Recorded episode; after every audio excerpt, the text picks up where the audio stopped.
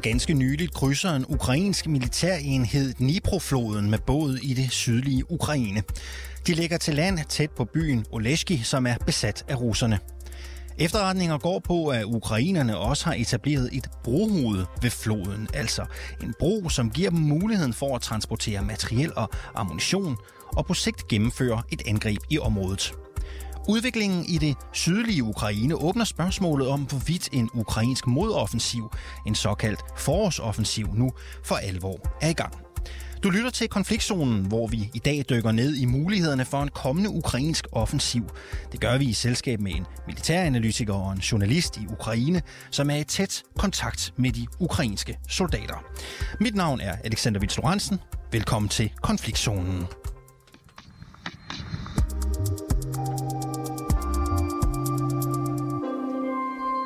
Mikkel Storm Jensen, velkommen til Konfliktzonen. Tak for det. Du er major og militæranalytiker, det er du ved Forsvarsakademiet. Spekulationerne om en øh, ukrainsk modoffensiv, den har jo været der længe. Men nu hører vi, at øh, ukrainerne vinder frem i den sydlige del af landet. Betyder det, at modoffensiven så småt er i gang? Jeg ved ikke lige, hvor jeg hørte, at ukrainerne vinder frem i den sydlige del af landet. Altså hvis der har været en lille overgang over Dnipro ned sydpå, så, så er det næppe der, hvor det store slag øh, kommer til at stå. Øh, ukrainerne de er fortsat i gang med at trække springbenet op til, øh, til en offensiv, og, og den kan de udløse, når, når de vil. Det, som de overvejer, eller det må man gå ud fra, at de afvejer i den sammenhæng, det er, at jo længere tid de øh, forbereder deres offensiv, jamen, jo bedre forberedt kan de, kan de være. Øh, og jo mere slagkraftige biler. De har fået en masse øh, våben fra, fra Vesten, og de er i gang med at, at træne en masse, og de er i gang med at samarbejde de her enheder, som skal gennemføre en offensiv på et tidspunkt. På den anden side, så den øh, tid, som de øh, venter, øh, der bliver russerne jo også bedre forberedt. Der graver de deres øh, skyttegrav dybere, og, og bliver også bedre til at forberede deres øh, modangreb osv. osv. Øh, så når man taler om en, en modoffensiv, måske endda en modoffensiv her i foråret, hvad skal vi så egentlig forvente i omfang? Det ved vi ikke. Øh, og øh, altså, ukrainerne er jo, er jo virkelig dygtige, har været dygtige hele vejen igennem krigen til at, at holde deres, øh, deres forberedelser øh, godt skjult. Og øh, altså, hvis, hvis vi vidste så ville vi jo så forhåbentlig heller ikke stå og fortælle om det i radioen. Øh, men altså, hvis man kigger på et kort øh, og, øh, og ser øh, situationen og læser det, både som ukrainerne formentlig og som russerne formentlig læser det, så er der nogle steder, hvor det er mere oplagt end andre at, at gennemføre en, øh, en forårsoffensiv. Øh, og det er selvfølgelig i, øh, i den øh, sydlige del af, af fronten. Øh, nu nævnte du Dnipro før, mm. og, og talte om en, en overgang over Dnipro. Og Dnipro, hvis man sådan har en forestilling om, at, at, at Dnipro ligner nok lidt sådan gudenåen, øh, så gør den ikke det. Øh, der skal man nok mere tænke Limfjorden. Øh, og, øh, og hvis man tænker sig det der med at sætte over en flod, øh, at det er Limfjorden i stedet for, så får man måske et billede på, på nethinden af, hvad det er, øh, det drejer sig om. Øh, så så en, en succesfuld overgang øh, over Dnipro vil minde om noget af det, vi så på, på D-dag i 1944. Øh, så, så det bliver næppe der. Derfor giver det alligevel mening for ukrainerne at prikke til russerne nede ved Kherson. Øh, Kherson, det er jo den del, der ligger helt nede ved Sortehavskysten, fordi som jeg sagde før, så russerne kan kigge på et kort, og det kan ukrainerne også. Og der, hvor det vil være naturligt for ukrainerne at søge og lægge en offensiv, det er, den, øh, det er de cirka 200 km, som går fra der, hvor Dnipro bliver tynd, øh, det hedder Zaporizhia, øh, og så cirka øh, 200 km mod øst, det er ligesom der, man kan trykke til. Hvis man kommer til der, så kan man komme helt ned til Sortehavskysten, hvis man er heldig og dygtig, øh, og skære russerne af. Og det ved russerne også godt, og det er også derfor, russerne graver der skyttegrav der. Og derfor giver det mening for ukrainerne også at prikke til dem nogle andre steder, for eksempel over ved Kherson, sådan at de ikke får mulighed for at lægge alle deres æg i, i den samme kog. Du siger, at øh, Nipro vil svare til et scenarie, som vi sidst har set ved D-dag. Prøv at sætte nogle ord på det. Altså, hvis man øh, går på nettet og læser lidt krigshistorie, så kan man, øh, så kan man se en operation, som Montgomery øh, forberedte for at gå over Rhinen øh, i 1944, og det er altså, undskyld, øh, jo, 19, nej, 1945. Øh, og det er oppe i den skala, øh, som man skal, fordi det, det, øh, det, kræver, øh, det kræver en masse materiel, som kan komme over. Øh, godt nok så har ukrainerne, de har jo øh, russisk udstyr, øh, gammelt sovjetisk udstyr, øh, hvor mange af de her panserkøretøjer, de har, deres pansermandskabsvogne, deres infanterikampkøretøjer, kan i teorien sejle. Øh, og når jeg siger teorien, så er det fordi, at øh, hvis der er bølger på mere end 30 cm, så, øh, så kan de altså ikke sejle, øh, og det er der. Øh, og når man kommer frem til den anden side af, af floden, så er der også en brink, man skal over, og det er også øh, svært osv. Så, Så det at gennemføre en operation, bare det at gennemføre det indledende angreb over sådan en flod, vil være en gigantisk opgave. Så kommer næste sted, det er, når man så skal til at forsyne alle de styrker, som er kommet over floden øh, og have materiel over til dem, have ammunition over til dem, have drivmiddel over til dem, have friske forsyninger osv. osv. Det skal også over. Der er jo ikke nogen broer der, øh, der virker lige nu, fordi dem har russerne øh, sprængt, øh, da det trækker sig. Så, så en, et angreb over Dnipro vil jeg anse for, for at være meget lidt sandsynligt. Og lad os lige se nærmere på det russisk besatte område, der ligger øst for Dnipro-floden, og som jeg også omtalte i begyndelsen, har påstår ukrainske militærkilder, at Ukraine de sidste dage er øh, vundet frem. Mm. Ifølge den øh, amerikanske tænketank Institute for the Study of War har ukrainerne ramt og ødelagt øh, russiske artillerisystemer, kampvogne, pansrede køretøjer og luftforsvarssystemer tæt på Rason. Ja. Øhm, Men det har de gjort med artilleri, altså, og det er ikke noget mærkeligt i. Altså igen, at man sender, at man sender mindre enheder over for at, at prikke til russerne, så de er nødt til at have, have patruljer ud og gå på vagt og så videre, så videre. Øh, så, så trækker man russiske styrker væk fra den del af fronten, man formentlig har tænkt sig at angribe. Og, øh, og man øh, erkender jo stadigvæk, at der foregår masser af kampe nede omkring Kherson. De foregår bare hen over floden, og de foregår med artilleri. Øh, og det vil sige, at, at øh, ukrainerne de beskyder de russiske systemer, når de mm. identificerer dem, og, og russerne beskyder de, de ukrainske, plus at de også skyder på selve Kherson. Vurderer du, at ukrainerne genvinder terræn i det område? Nej. Det gør du ikke? Nej. Nej. Altså ikke... Det, det, der er forskel på at være til stede i et område, og så have kontrol over det.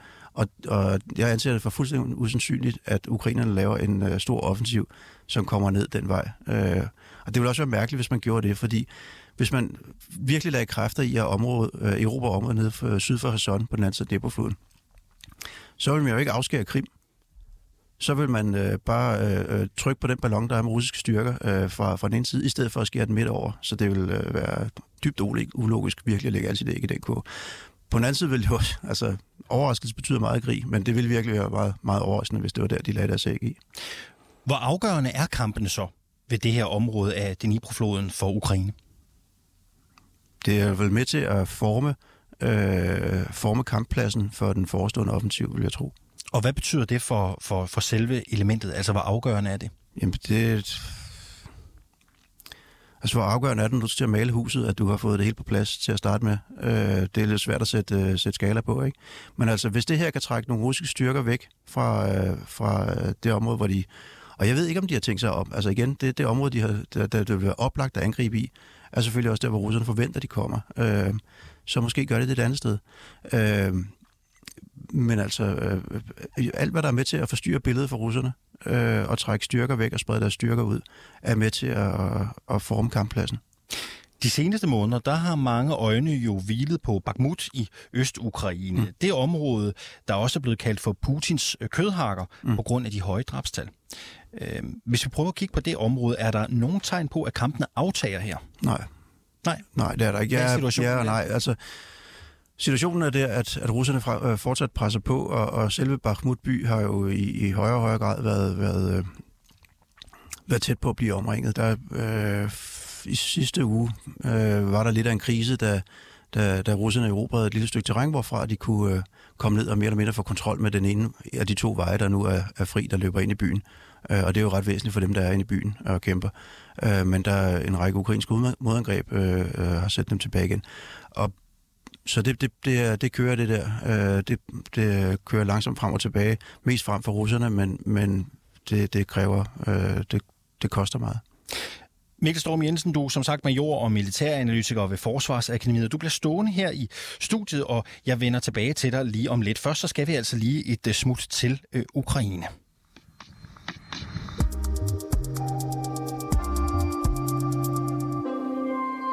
Stefan Weigert, øh, velkommen til. Mange tak. Du er journalist, og du er med fra Kiev. Du taler jævnligt med soldater, som er en del af den ukrainske her. Hvad fortæller de ukrainske soldater selv om den her forårsoffensiv, som, som muligvis lurer lige om hjørnet? Jamen, jeg synes, at alle de soldater, jeg, jeg snakker med, de forventer, at der kommer en, en forårsoffensiv, eller måske, hvis det ikke bliver foråret, så i hvert fald i, i starten af sommeren. Uh, så det er noget, som soldaterne sådan, øh, er overbevist om kommer på et eller andet tidspunkt. Men de soldater, som jeg snakker med, ved jo ikke øh, præcis, hvor eller hvornår det starter. Uh, de får bare at vide, at, øh, at de skal gøre klar. Altså, der er masser af træning i gang øh, for mange af de her soldater. Øh, en ukrainsk soldat fortalte mig for eksempel, at de havde fået at vide, at nu skulle de til at gøre altså færdiggøre deres, øh, deres træning, fordi at øh, nu skulle de snart øh, sendes videre og, spekulere sig i, hvorvidt det så er forbundet med, med den her mulige forårsoffensiv. Så der er sådan meget, meget spænding også blandt de ukrainske soldater i forhold til, hvad der kommer til at ske. Men der er en del af de her ukrainske soldater, som, som har håb og drømme om, at når den her offensiv den starter, jamen så får man afskåret Krimhaløen. Øh, måske øh, bliver Rusland nødt til at trække sig fra, fra Krimhaløen, altså bliver sådan en kæmpe ukrainsk sejr, øh, og krigen så øh, kan slutte relativt hurtigt, altså at russerne fuldstændig kollapser. Og så er der så nogle andre øh, ukrainske soldater, som, som er mere pessimistiske, øh, som ikke har den store forventning til ret meget succes. Og når du taler med de her soldater, Weikart, hvor vigtigt er det så for dem, at der sker noget snart? Ja, det er, det er ret vigtigt. Øhm, mange af de her soldater er ved at være rigtig trætte, og, og fronten har været relativt, øh, hvad kan man sige, sådan stabil i hvert fald, altså ikke rykket sig ret meget over de sidste mange måneder, og Øh, soldaterne er, er trætte, det er under hårde forhold, de kæmper. Øh, der er ikke ret meget rotation, øh, og at der, det, det påvirker moralen rigtig meget, at de her soldater øh, har set så mange af deres kammerater dø og blive såret. Øh, og, og der er jo de her, hvad man siger, hvis man snakker om dem, der helt ude i skyttegravene, altså lever i en meget kummerlige forhold selvfølgelig i, i de her mudder og skyttegrave, det påvirker den moral, som de har, og derfor vil de gerne have, at der snart sker noget. Er det dit indtryk, at de ukrainske soldater har det udstyr og ammunition, de har brug for, hvis en mulig offensiv skal blive en realitet? Det er svært at, at have et overblik over, hvordan det, hvor meget udstyr det ukrainske militær rent faktisk har. Men, men de soldater, som jeg snakker med, som er, som er simpelthen er ude i, i Øst-Ukraine, ude omkring Øh, altså dem jeg har kontakt med simpelthen ude omkring Bakhmut som for eksempel, altså de taler om, om, om mangel på, på udstyr, altså mangel på, stor mangel på ammunition, altså enheder, som, som, som stort set ikke får noget at skyde med øh, i løbet af dagen. Altså øh, der, der er kæmpe mangel, altså vores ude med en droneenhed, som øh, spottede øh, russisk artilleri, og når de så kunne så ikke engang øh, kalde nok øh, ukrainsk artilleri ind til at uskadeliggøre dem, fordi de ikke har ammunition, altså nødt til at bare skræmme det her russiske artilleri til at flytte sig, i stedet for rent faktisk at uskadeliggøre det, øh, fordi de ikke havde ammunition til det. Og det, det er noget af det, som, som for mange af de her ukrainske soldater skal være lidt pessimistiske omkring forårsoffensiven, fordi de har svært ved at forestille sig, jamen, hvordan pokker skal vi kunne tage store russiske territorier tilbage, øh, hvis vi ikke har noget at skyde med. Men når det er sagt, så er der også andre ja, kilder i det ukrainske militær, som har fortalt mig, at grunden til, at der ikke er ret meget ammunition på den ukrainske side ved fronten lige nu, øh, hvor ukrainerne prøver at holde for eksempel omkring Bakhmut, jamen det er fordi, at Ukraine ligesom prøver at opbygge et lager, altså tilbageholder ammunition for ligesom at opbygge nogle lager øh, til den her øh, forårsoffensiv. Øhm, og hvorvidt det er rigtigt, altså noget, det er meget, meget svært at vurdere. Og sådan helt generelt, øh, der er mangel på våben. Moralen, den øh, halter hos de ukrainske soldater. De trætte, siger du, de har svært ved at se lyset for enden af øh, tunnelen. Helt generelt, efter mere end et års kamp, hvad er det for en ukrainsk her, vi kan beskrive, som står tilbage øh, i kampen mod Rusland øh, lige nu? Jamen, det er en ukrainsk her, som, som, øh, som er træt øh, langt hen ad vejen. Øh, som, øh, og der er stadig høj moral blandt mange tropper, men på andre, på andre tropper er moralen ret presset. Og så er det, øh, nu ved jeg ikke, hvilken form, øh, hvilken tilstand den russiske her er i, men vi hører jo også om, om deres problemer, øh, specielt med moral og, og også med udstyr osv., øh, og også det med, at de sender utrænede soldater ind. Øh, men på den ukrainske side, jamen der er det jo også rigtig mange altså, utrænede øh, for, af soldater nu, som egentlig tidligere var bager eller IT-medarbejdere eller et eller andet, altså som ikke havde noget med krig at gøre, som nu er blevet mobiliseret eller har meldt sig frivilligt til herren, er gennemgået nogle ugers, eller bedste fald nogle måneders træning, og, og så er blevet sendt ud til en frontlinje. Øh, så det, det er en uprøvet øh, her. Altså mange af de ukrainske soldater har ikke rigtig, rigtig ret meget erfaring. Altså det, det er bare sådan, som det er. Og det er måske også tilfældet på den, på den russiske side, men i hvert fald kan man sige, at det er ikke den her samme professionelle her i hvert fald, i mit indtryk, i Ukraine, som det var før invasionen startede. Fordi mange af de her øhm, oprindelige soldater, som har erfaring helt tilbage fra, fra 2014, er at rigtig mange af dem er enten døde eller kommet til skade. Øhm, og samtidig har Ukraine jo også udvidet her enormt meget, øh, hvilket også betyder, at man skal, man skal jo finde nogle flere soldater. Og det gør man jo blandt de almindelige borgere. Og det sagde altså Stefan Weikert. Tak fordi du var med, dansk journalist i Ukraine. Mikkel Storm øh, Jensen, jeg vil gerne lige sende bolden videre til dig. Weikert fortæller i sin rapport her, at størstedelen af de professionelle ukrainske soldater og specialstyrker, de er enten såret eller døde i krigen. Det er et øh, ekstremt utrænet hold, der står tilbage. Hvordan stiller det en mulig ukrainsk offensiv, hvis hæren hovedsageligt består af utrænede soldater, bager, you name it, hvad det, hvad det kunne være. Det, jeg synes, at øh, jeres øh, journalist han gav et, øh, et rigtig godt billede og, og slog ned på, på mange fornuftige ting. Og, og det er rigtigt, den ukrainske her er i høj grad mobiliseret personel, som står med materiel, som de ikke er så vant til at bruge og har korttidsuddannelse. Og over på den anden side af fronten, der står en russisk her, som består af mobiliseret personel, som ikke har ret lang tids uddannelse og, og nyt materiel også. Og ukrainerne, der skal angribe, de har ikke prøvet at angribe øh, før, i virkeligheden i mange af dem. Og de russere, der skal forsvare sig, har ikke øh, prøvet at forsvare sig før. Så det er to, øh, det er to øh, øh, hold, der ikke har, har, har lært deres lektier og vist deres, øh, vist deres værdi nu, som, øh, som skal til at i gang. Øh, så det er svært, meget, meget svært at forudsige, hvordan det her kommer til at gå. Den ammunitionsmangel, som han taler om, øh, er, også, øh, er også noget, som, øh, som er vigtigt at forholde sig til. Øh, man kan sige, at den oplevelse, som man har ude ved fronten, er selvfølgelig, at der er aldrig nok. Og det er jo klart, altså du sidder i et hul, og 200 meter væk sidder nogle andre i et hul, der prøver at slå dig ihjel. Og, og det, dem vil du selvfølgelig gøre alt for at få, få stoppet, og det vil sige, at du øh, kalder på mere øh, ammunition, ikke? Øh, men, men her er det jo øh, op til, til, til ledelsen at prioritere, hvor skal vi, hvad skal vi bruge de granater til. Det eksempel, som han gav med, med dem, der, der ikke havde kunne kunne nedkæmpe øh, nogle russiske øh, øh, artilleristillinger, i stedet for tvunget til at flytte sig. Øh, jeg lavede lidt hurtigt i, i, i hovedet. Altså, det at, at bare forstyrre russerne og få dem til at flytte sig, det har måske krævet 6-8 granater, måske bare to granater, øh, som er landet i nærheden af dem. Så er de blevet klar over, åh, åh de har os i øh, kikkerten, nu øh, pakker vi sammen, og så kan vi ikke øh, skyde den næste time, mens vi skifter stilling. Hvorimod, hvis de skulle have ødelagt dem, skulle de måske have brugt 200 granater eller 400 granater.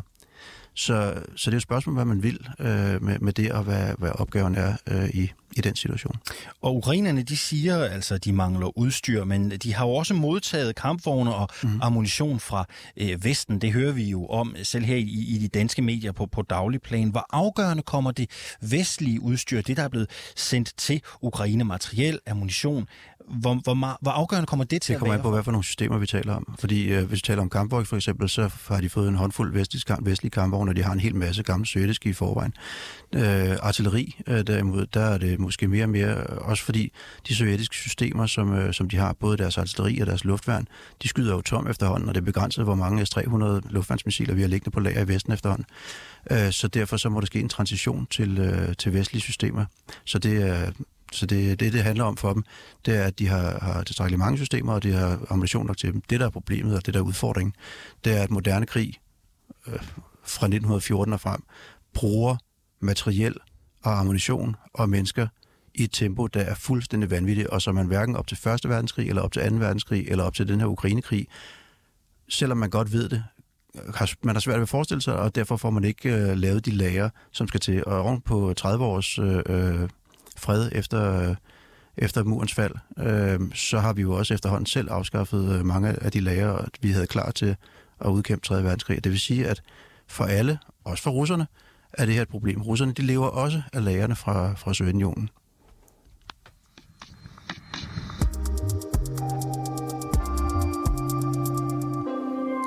Mikkel Storm Jensen, lad os bruge øh, de sidste par minutter af programmet på at se den øh, bebudede offensiv fra russernes øh, side. Vurderer du, at de russiske styrker som vi ser deres form nu, er rustet til at svare igen på en ukrainsk offensiv? Det har jeg, som jeg sagde, altså lige så, lige så utrænet øh, og uprøvet, øh, som, som ukrainerne er, lige så uprøvet er de russiske styrker, som står dernede øh, og skal forsvare sig. Man kan sige, at opgaven med at forsvare sig er på en måde nemmere, fordi du, øh, det er ligesom, øh, det er dig, der har... Øh, du, du ved, hvor du står, og du kan forberede dig osv. osv. Til gengæld så ved du ikke, hvor angrebet kommer, og du ved ikke, hvornår angrebet kommer. Den russiske militære ledelse har ikke vist sig at være super fleksibel øh, og hurtig øh, til at træffe beslutninger, og i nogle af deres øh, forsvarsoperationer øh, er det gået virkelig dårligt, for eksempel op i Kharkiv, hvor det jo øh, øh, skvattede fuldstændig sammen. Til gengæld så klarede de det sådan set rigtig godt nede ved Kherson, hvor øh, ukrainerne øh, måtte kæmpe meget, meget hårdt for at, at generobre det område, og hvis ikke der havde været en øh, nærmest umulig forsyningsvej for russerne ned dernede, så kunne det have holdt længere tid endnu. Så det bliver en meget, meget vanskelig opgave, som de ukrainske øh, styrker øh, står for. Russerne har tidligere meddelt, at der vil blive sat 400.000 ekstra russiske soldater ind Russerne de kasser om sig med tal, og det er altså... De vil også oprette det ekstra korps, når, når Finland kommer med i NATO, og jada, jada, jada. Så, så det tror jeg, at man skal vente og se, hvad der dukker op i fronten, frem for at man øh, kigger på, hvad de siger. Så det kan vi ikke tage for gode varer, det kan vi ikke be- be- beregne noget øh, på. For uden vandskabet, hvis vi så stryger de 400.000 her, har russerne så det, der skulle til for at kunne slå tilbage eller forhindre en ukrainsk øh, offensiv? Hvis vi holder fast i, at tallene, dem kan vi måske ikke helt regne med. Nej, altså, de skal, de, de skal bruge forskellige ting. De skal, de skal, også, altså, de skal have nogle, noget infanteri ude ved fronten, øh, gravet ned i skyttegrave med en masse panserværn og med en masse miner foran, og det har de sådan set. Og så skal de have noget, øh, en, en panserreserve, som kan sættes ind, øh, når, mod, øh, når, når angrebet kommer. Øh, og de skal have noget artilleri. Spørgsmålet om, det, altså russerne har masser øh, af grej. Det, de har været rigtig dårlige til øh, i krigen indtil nu, øh, det har været at få tingene til at spille sammen. Og, og, og det har ukrainerne været bedre til. Sådan en militær operation, det er, det er et symfoniorkester, øh, øh, uden sammenligning i øvrigt, hvor hver eneste lille øh, del spiller en rolle, og jo bedre man får de til, ting at spille, til at spille sammen, jo mere synergi er der, jo mere virker det. Og jo langsommere der går, og jo længere tid der går, mellem man kan få elementerne til at spille sammen, eller jo dårligere det kommunikerer, øh, jo mindre synergi får man ud af det. Og en, en kampvogn der arbejder sammen med de andre våbenarter, er en super kraftig, øh, slagkraftig, mobil, pansret, livsfarlig øh, tingest. Øh, men en kampvogn, der arbejder alene, er en øh, dødsfælde for de øh, tre mand, der sidder i den, hvis en russisk kampvogn, og fire, hvis den vestlig. Kan en eventuel offensiv være med til at rykke de store linjer i krigen? Ja, det kan det godt, men igen, det er stadigvæk Altså hvis vi leger med tanken om, at øh, lad os nu sige, at den her ukrainske offensiv er helt overdrevet vellykket. Alt går godt.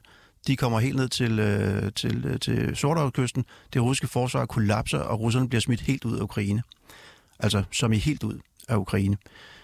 Og det er selvfølgelig et usandsynligt scenarie, men, men lad os nu bare lege med tanken. Hvad så? Det er jo stadigvæk russerne, der vælger. Det var russerne, der startede krigen, og det er russerne, der vælger, om krigen er slut. Så russerne kan jo sagtens sidde hjemme i Rusland og blive ved med at føre krigen videre. Så, øhm, så det, så selvfølgelig vil den her øh, offensiv, når den kommer, være med til at ændre parternes forhandlingspositioner. Øh, lige nu står de jo meget, meget langt fra hinanden, øh, men der er ikke nogen, der siger, at en succesfuld øh, operation vil afslutte krigen. Mikkel Storm Jensen, øh, tak fordi du var med i dag. Selv tak. Major og militæranalytiker ved Forsvarsakademiet.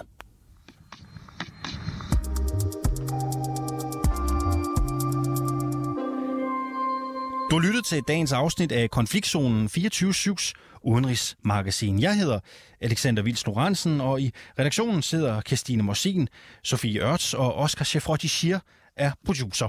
Du kan lytte til programmet direkte hver mandag til torsdag fra 8 til halv 9, og så kan du selvfølgelig også høre programmet der, hvor du henter dine podcasts.